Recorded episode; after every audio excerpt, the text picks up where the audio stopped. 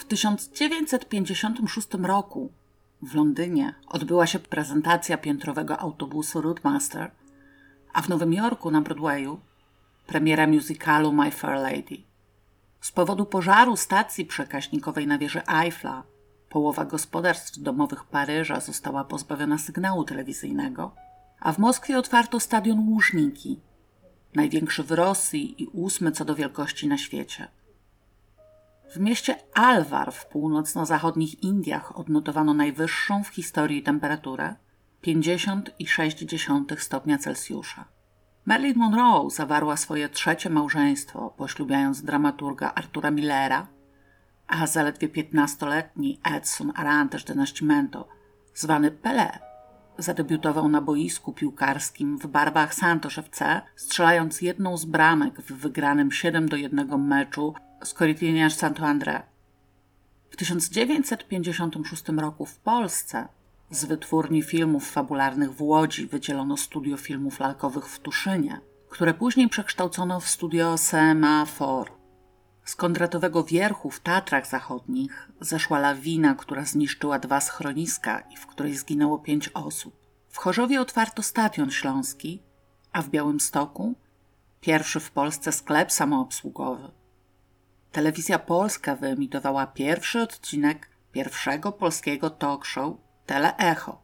Polskie Radio nadało pierwszy odcinek powieści radiowej Matysiakowie, a Rada Państwa wydała dekret przywracający miastu Stalinogród nazwę Katowice, a województwu stalinogrodzkiemu nazwę województwo katowickie. 19 lipca 1956 roku wypadał w czwartek. Około godziny 11 mieszkanka Kielc, Barbara Sieśkiewicz wraz z dwójką swoich dzieci, ośmioletnim Markiem i czteroletnią Mirosławą, oraz jedenastoletnim synem sąsiadów Januszem Pacanem wybrali się na wycieczkę. Ich podróż nie miała być daleka. Barbara zamierzała odwiedzić koleżankę mieszkającą przy ulicy Żółkiewskiego, a dzieciaki zabrała ze sobą, żeby zamiast męczyć się w mieście, pobawiły się trochę na zielonych terenach ówczesnego przedmieścia Kielc, baranówka.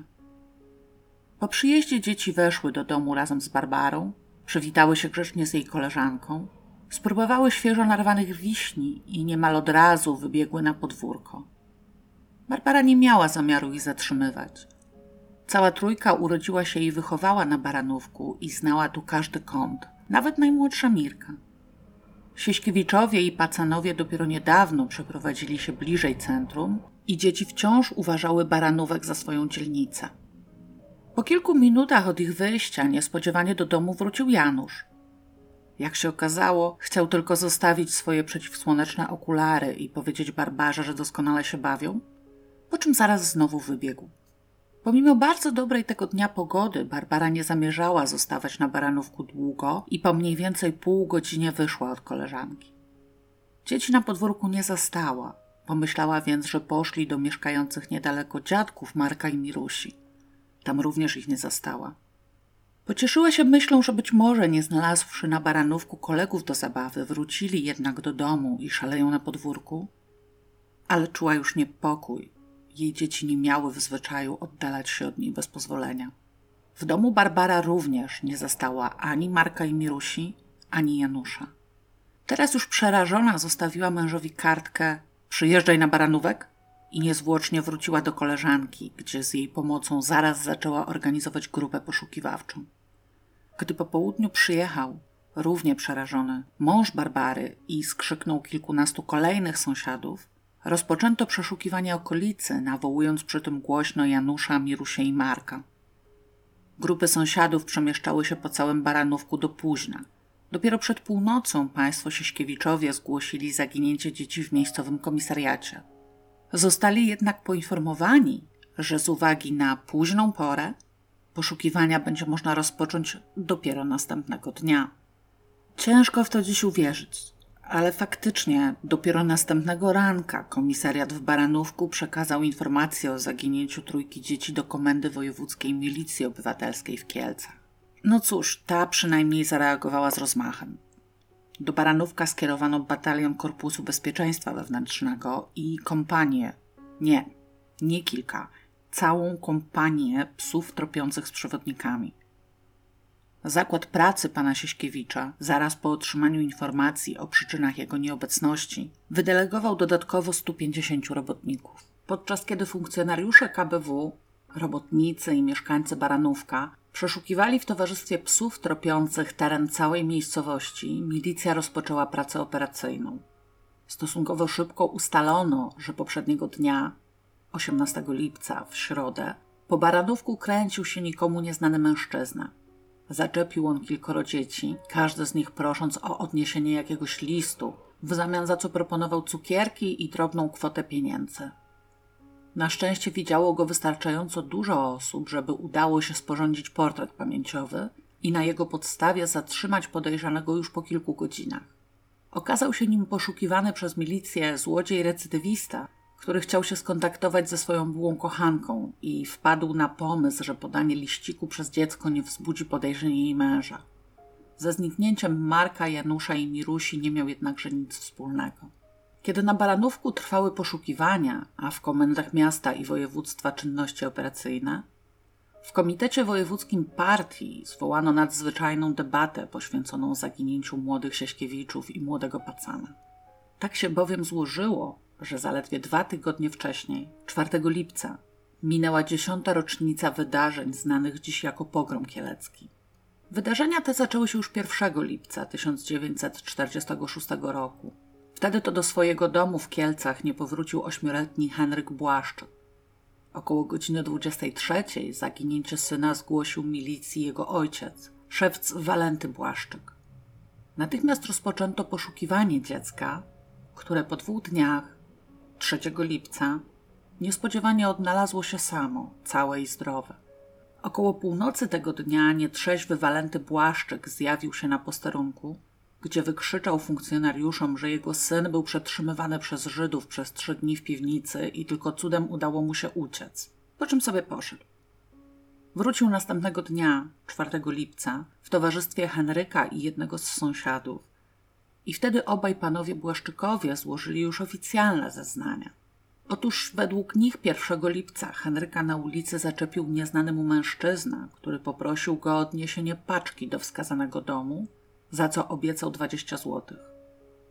Mężczyzna nie dość, że wskazał Henrykowi drogę, to w zasadzie odprowadził go pod sam dom, w którym paczkę Henrykowi zabrano, a jego samego zamknięto w piwnicy, gdzie było już kilkoro innych dzieci. Według Walentego po drodze na komisariat Henryk wskazał jako miejsce swojego uwięzienia budynek przy ulicy Planty 7, w którym mieścił się tak zwany Komitet Żydowski oraz dom gościnny dla Żydów spoza Kielc. Budynek ten znajdował się w odległości zaledwie 200 metrów od komisariatu, a Henryk był w stanie nawet rozpoznać kręcącego się w jego pobliżu mężczyznę, który go uwięził. Po odebraniu tych zeznań kierownik komisariatu wysłał na ulicę Planty 7 obu świadków w towarzystwie sześcioosobowego patrolu milicji. Milicjanci aresztowali wskazanego przez Henryka mężczyznę i zabrali go na komisariat, skąd po chwili, w uzgodnieniu z zastępcą komendanta wojewódzkiego, z powrotem na Planty 7 wyruszył kolejny patrol, tym razem w celu przeszukania budynku. Patrol liczył kilkanaście osób ponieważ niektórzy funkcjonariusze, poznawszy treść zeznań panów Błaszczyków, przyłączyli się do niego na ochotnika. Po drodze opowiadali napotkanym przechodniom o rzekomym porywaniu chrześcijańskich dzieci przez Żydów i wykorzystywaniu ich do mordów rytualnych. Milicjanci. Przechodniom.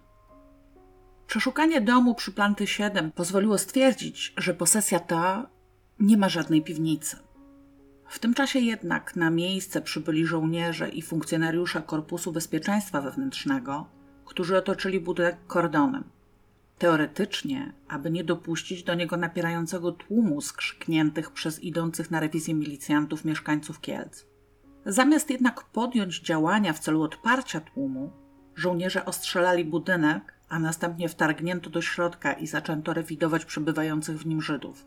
Dostawiających opór strzelano – a potem wyrzucano ich na zewnątrz, na pastwę tłumu.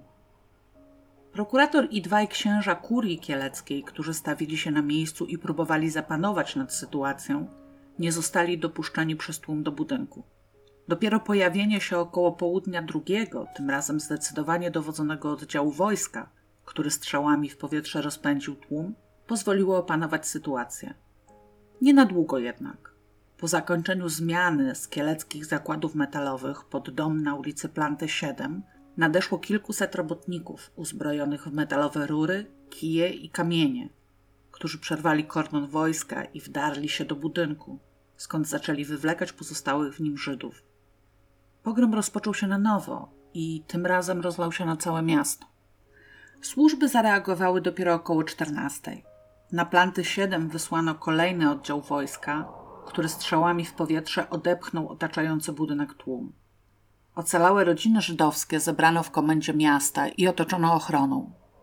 Mundurową ochronę przydzielono również szpitalom, do których przyjęto ofiary pogromu. Po południu do miasta wkroczyły dodatkowe oddziały wojska i wjechały wozy pancerne. O 18 uznano pogrom za zakończony, chociaż wieczorem wprowadzono godzinę policyjną. Bezpośrednio po pogromie aresztowano ponad 100 jego sprawców, w tym 34 żołnierzy Ludowego Wojska Polskiego. Ostatecznie w 10 procesach karnych oskarżono o udział w nim łącznie 39 osób. W pierwszym procesie, dotyczącym żołnierzy z oddziału, który pogrom de facto rozpoczął, trzy osoby skazano na karę śmierci przez rozstrzelanie, którą wykonano. W kolejnych zapadały wyroki więzienia. Dopiero w ostatnim procesie uniewinniono dwóch komendantów milicji i Urzędu Bezpieczeństwa. Kilku spośród oskarżonych funkcjonariuszy ukarano zamiast pozbawieniem wolności i odebraniem stopni. W pogromie kieleckim zostało zabitych 40 osób, w tym 37 Żydów i troje Polaków. Rannych zostało kolejne 35 osób. Do oficjalnej liczby poszkodowanych nie wlicza się osób zabitych tego dnia na dworcach kolejowych, gdyż ich dokładna liczba nie jest znana. Ośmioletni Henryk Błaszczyk, jak się później okazało, wybrał się na samodzielną wycieczkę do odległej około 20 km od Kielc wsi, w której jego rodzina mieszkała w czasie wojny. Historię o uprowadzeniu i uwięzieniu wymyślił sam, żeby uniknąć kary. Zapewne więc rozumiecie już, dlaczego, kiedy krótko po dziesiątej rocznicy tych wydarzeń zniknęła kolejna trójka dzieci, kieleccy decydenci dostali, mówiąc delikatnie, szczękościsku. Oczywiście podejrzewano, że sprawa ma wymiar polityczny, że było to celowe porwanie przez kogoś, kto chciał wywołać niepokoje społeczne. Ponownie pojawiła się w mieście plotka, że doszło do rytualnego morderstwa popełnionego przez Żydów, którzy z krwi chrześcijańskich dzieci przygotowywali macę. Plotka ta sama w sobie jest idiotyczna, ponieważ w judaizmie krew jest nieczysta i nie wolno jej spożywać pod żadną postacią, stąd na przykład ubój rytualny. Włodarze województwa mieli poważne powody do obaw, że w mieście może dojść do kolejnych antysemickich rozruchów, postanowiono więc nadać sprawie odnalezienia Janusza, Marka i Mirusi absolutny priorytet, a ponadto skierować do pracy nad nią funkcjonariuszy Urzędu Bezpieczeństwa Publicznego. Ci przystąpili do prowadzenia przesłuchań swoimi metodami i bardzo szybko od obywatela Chodzyńskiego uzyskali informację, że widział on granatowy samochód, którym jechała trójka dzieci. Zeznanie to potwierdziły niezależnie dwie dalsze osoby. Poinformowały one także, że w aucie oprócz dzieci było dwóch mężczyzn, około 40-letni szatyn i drugi, wyraźnie młodszy.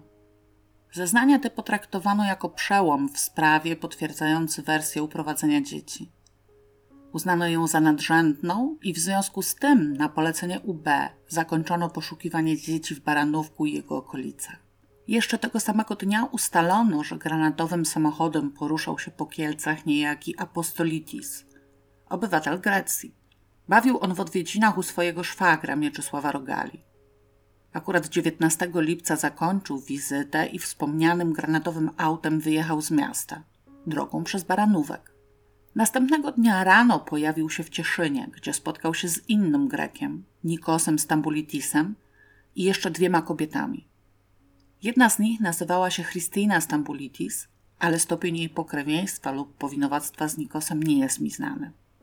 Cała czwórka na stałe zamieszkiwała w Czechosłowacji i wspólnie przekroczyła polsko-czechosłowacką granicę. Jak ustalono na przejściu granicznym, z czwórką Greków podróżowała także trójka dzieci dwóch starszych chłopców i mała dziewczynka. Dzieci nie miały paszportów i przekroczyły granicę na podstawie deklaracji wypełnionych przez opiekunów. Żołnierze wojsk ochrony pogranicza, którzy w 1956 roku pełnili obowiązki dzisiejszej Straży Granicznej, Nie zapamiętali żadnych incydentów związanych z tą grupą, a zwłaszcza żadnych sprzeczek pomiędzy dorosłymi a dziećmi, czy sytuacji mogących wskazywać na to, że dzieci podróżują wbrew swojej woli. Kielecki Urząd Bezpieczeństwa zwrócił się o pomoc w poszukiwaniach do Statni Bezpieczności czechosłowackiej policji politycznej. Dzięki jej funkcjonariuszom ustalono, że dzieci, które z czwórką Greków przekroczyły 20 lipca granicę, były dziećmi Aristidisa Jatokanditisa i podróżowały pod opieką Christiny Stambulitis, jednakże nie umiała ona wyjaśnić, dlaczego w ogóle z nią przebywają. Ponadto w jej rodzinie doszło kiedyś do porwania dziecka, choć nie udało się ustalić żadnych szczegółów w tej sprawie. Brat kierowcy granatowego samochodu, Apostolitisa, miał natomiast prowadzić w Hamburgu dom publiczny. Statni Bezpieczności zatrzymało co prawda Apostolitisa, ale nie udało się udowodnić mu żadnego związku ze zniknięciem Mirusi Marka i Janusza. Jego samochód przesłano nawet do Polski w celu okazania świadkom. Cały samochód, nie jego zdjęcia, ale żaden ze świadków go nie rozpoznał.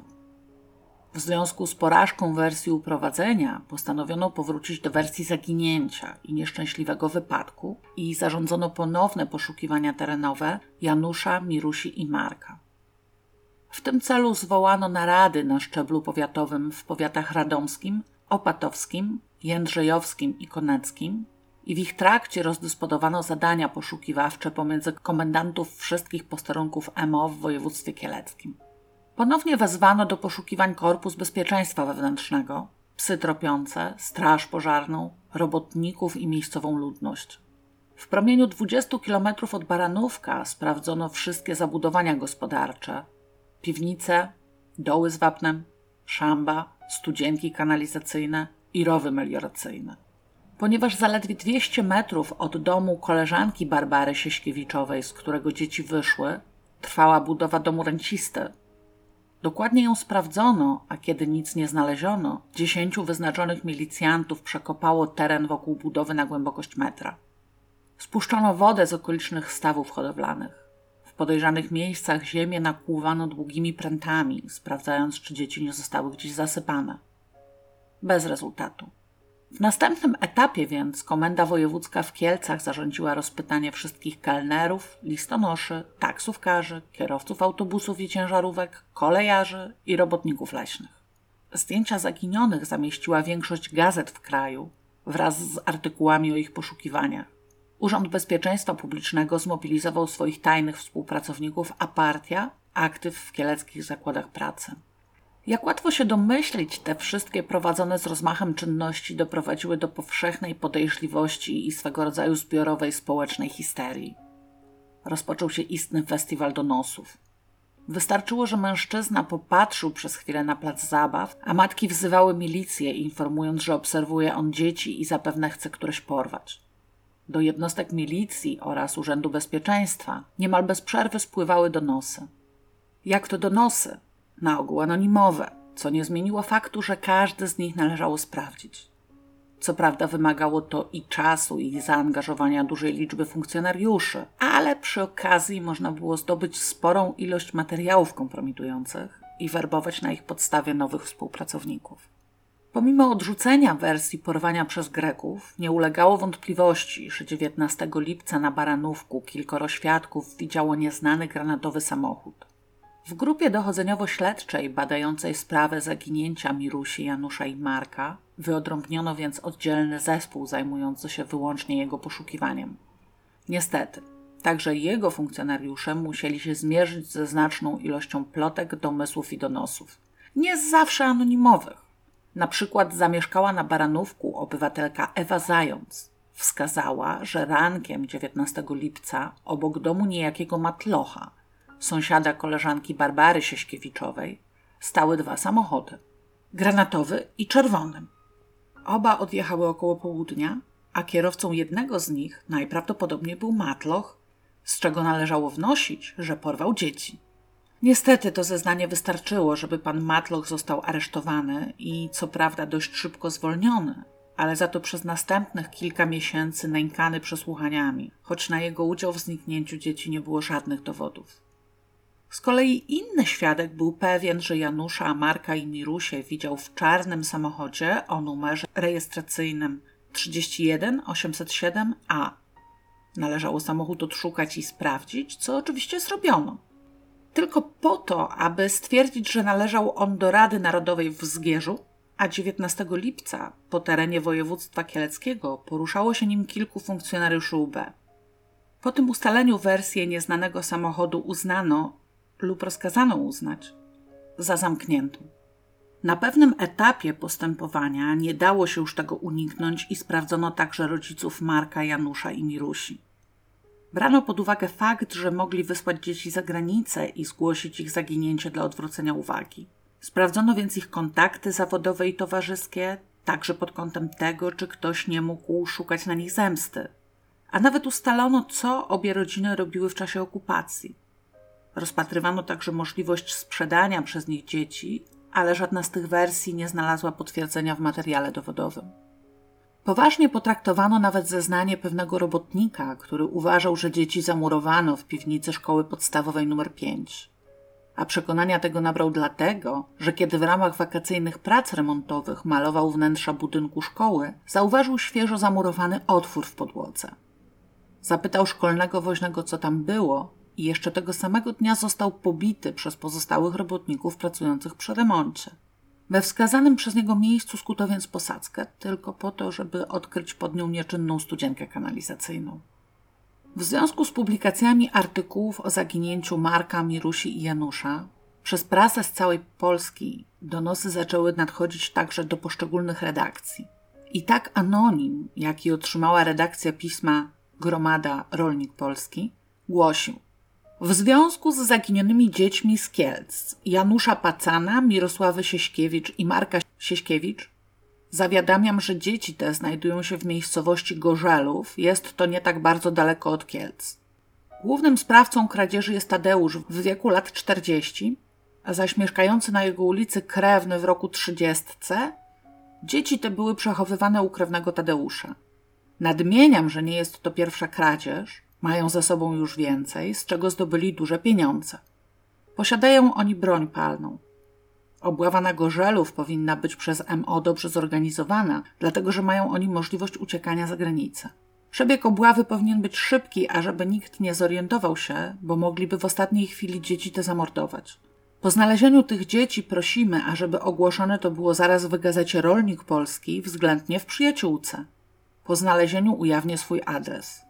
ST, ST Połaniec, POW Sandomierz, WOJ Kielce, LDL, PL, POWP. Nie wiem, w jaki sposób funkcjonariusze UB dotarli do informacji, że za skrótem LDLPLPOWP ukryła się Lidia Duet, zamieszkała w Ludomach, Poczta Ludomy, powiat Oborniki, województwo poznańskie. Ale porównanie pisma z jej wniosku o wydanie dowodu osobistego z tym z anonimu pozwoliło to potwierdzić. Kiedy panią Duet zaproszono na przesłuchanie, oświadczyła w jego trakcie, że jest świadkiem Jehowy, a zawarte w liście informacje przekazał jej w formie objawienia Jehowa osobiście. Jak łatwo zgadnąć, spowodowało to odstąpienie od rozpracowania wersji Tadeusza z Gorzelowa.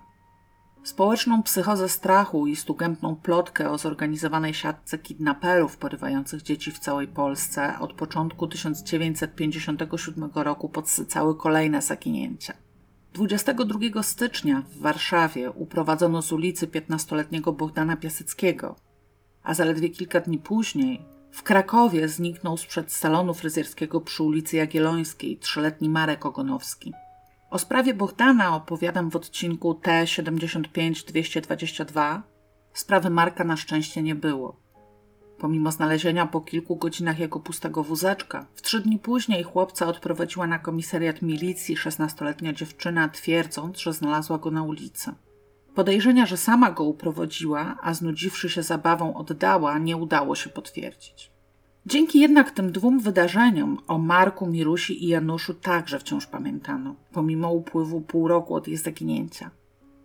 20 lutego 1957 roku trwały w najlepsze podjęte po zimowej przerwie prace na budowie domu rencisty w Baranówku, tej samej, której otoczenie przekopano w trakcie sierpniowej części poszukiwań. Jednym z ich wykonawców był Tadeusz Staniec, woźnica dowożący piach na budowę. Miał on z tą czynnością spore problemy po wznowieniu pracy, ponieważ kiedy zjeżdżał do wykopu w stercie piachu wzdłuż najwygodniejszej wschodniej krawędzi, jego koń wyrywał się i z parskaniem usiłował odsunąć od niej, co zagrażało wywróceniem całego wozu. 20 lutego Tadeusz pracował w mniejszym pośpiechu niż zwykle i postanowił zjechać do wykopu wzdłuż dalszej, zachodniej skarpy. Koń szedł spokojnie i jak zwykle w pełni z nim współpracował. Znający swoje zwierzę i darzący je zaufaniem, woźnica postanowił wtedy wziąć łopatę i rozkopać skarpę, której koń najwyraźniej nie lubił i w której coś mu przeszkadzało. Już po pierwszych ruchach łopaty z piachu wynurzyła się przed nim nóżka dziecka. Wstrząśnięty Tadeusz zaalarmował kierownika budowy, ten zaś milicję i Urząd Bezpieczeństwa. Ostrożnie, warstwami, zdjęto piach ze skarpy, odsłaniając ciała Marka i Mirosławy Siśkiewicz oraz Janusza Pacana. Przewieziono je następnie do szpitala w Kielcach, dokąd niezwłocznie sprowadzono biegłych z Zakładu Medycyny Sądowej w Krakowie. Stwierdzili oni, że cała trójka zmarła wskutek nieszczęśliwego wypadku uduszenia poprzez zasypanie. Wszyscy mieli w drogach oddechowych piasek, a w żołądkach wiśnie zjedzone tuż przed wyjściem z domu koleżanki Barbary Sieśkiewicz. Odtwarzając przebieg wypadku, przyjęto, że dzieci, nie chcąc się zbytnio oddalać od opiekunki, pobiegły na niestrzeżoną skarpę piasku i zaczęły kopać tunel tuż przy jej wschodniej krawędzi. Kiedy piach nad tunelem zarwał się, zostały zagrzebane pod kilkoma tonami piasku, bez żadnych szans na samodzielne uwolnienie się. Zmarły w męczarniach w ciągu kilku minut. Nie zostały odnalezione podczas sierpniowych poszukiwań, ponieważ wtedy skarpę nakłuwano zaledwie metrowymi prętami, zaś Marek, Mirusia i Janusz znajdowali się ponad dwa razy głębiej. Dość celnie podsumował sprawę tą, znaną dziś jako sprawa dzieci kieleckich, redaktor Zbigniew Kuraś w swoim artykule dla Ekspresu Wieczornego. Nasuwa się teraz takie pytanie. Dlaczego milicja nie mogła trafić na ślad zaginionych i sprawił to dopiero przypadek? Zrobiliśmy w tej sprawie wszystko, co było w naszej mocy, powiedział przedstawicielowi Ekspresu komendant wojewódzki MO. Sprawdziliśmy przeszło 70 różnych wersji zniknięcia dzieci. Szukaliśmy ich w każdej niemal rozpadlinie w okolicach Kielc, w całym kraju, a nawet w Czechosłowacji i Niemczech. Tyle komendant wojewódzki. Tajemnica zniknięcia dzieci leżała tymczasem tak blisko. Dlaczego nie zainteresowano się bliżej ową zawaloną skarpą piachu, która musiała przecież wzbudzić pewne podejrzenia i skojarzenia u prowadzących śledztwo? Podobno zresztą szukano i tam, ale niestety niezbyt dokładnie, nie przywiązując do tego żadnej wagi. Zbyt wiele bowiem uwagi poświęcono wersji, że dzieci zostały porwane i dlatego przez cały czas śledztwo szło fałszywymi tropami. Niewątpliwie Emo włożyła wiele wysiłku i energii w poszukiwanie dzieci, ale energia i wysiłek to jeszcze nie wszystko. Chodzi przede wszystkim o należyte opanowanie techniki śledczej, o znajomość nowoczesnych i właściwych metod prowadzenia śledztwa. A w tej dziedzinie milicja nasza wykazuje jeszcze niestety spore braki. Oto skutki dawnych zaniedbań w fachowym wyszkoleniu pracowników aparatu śledczego.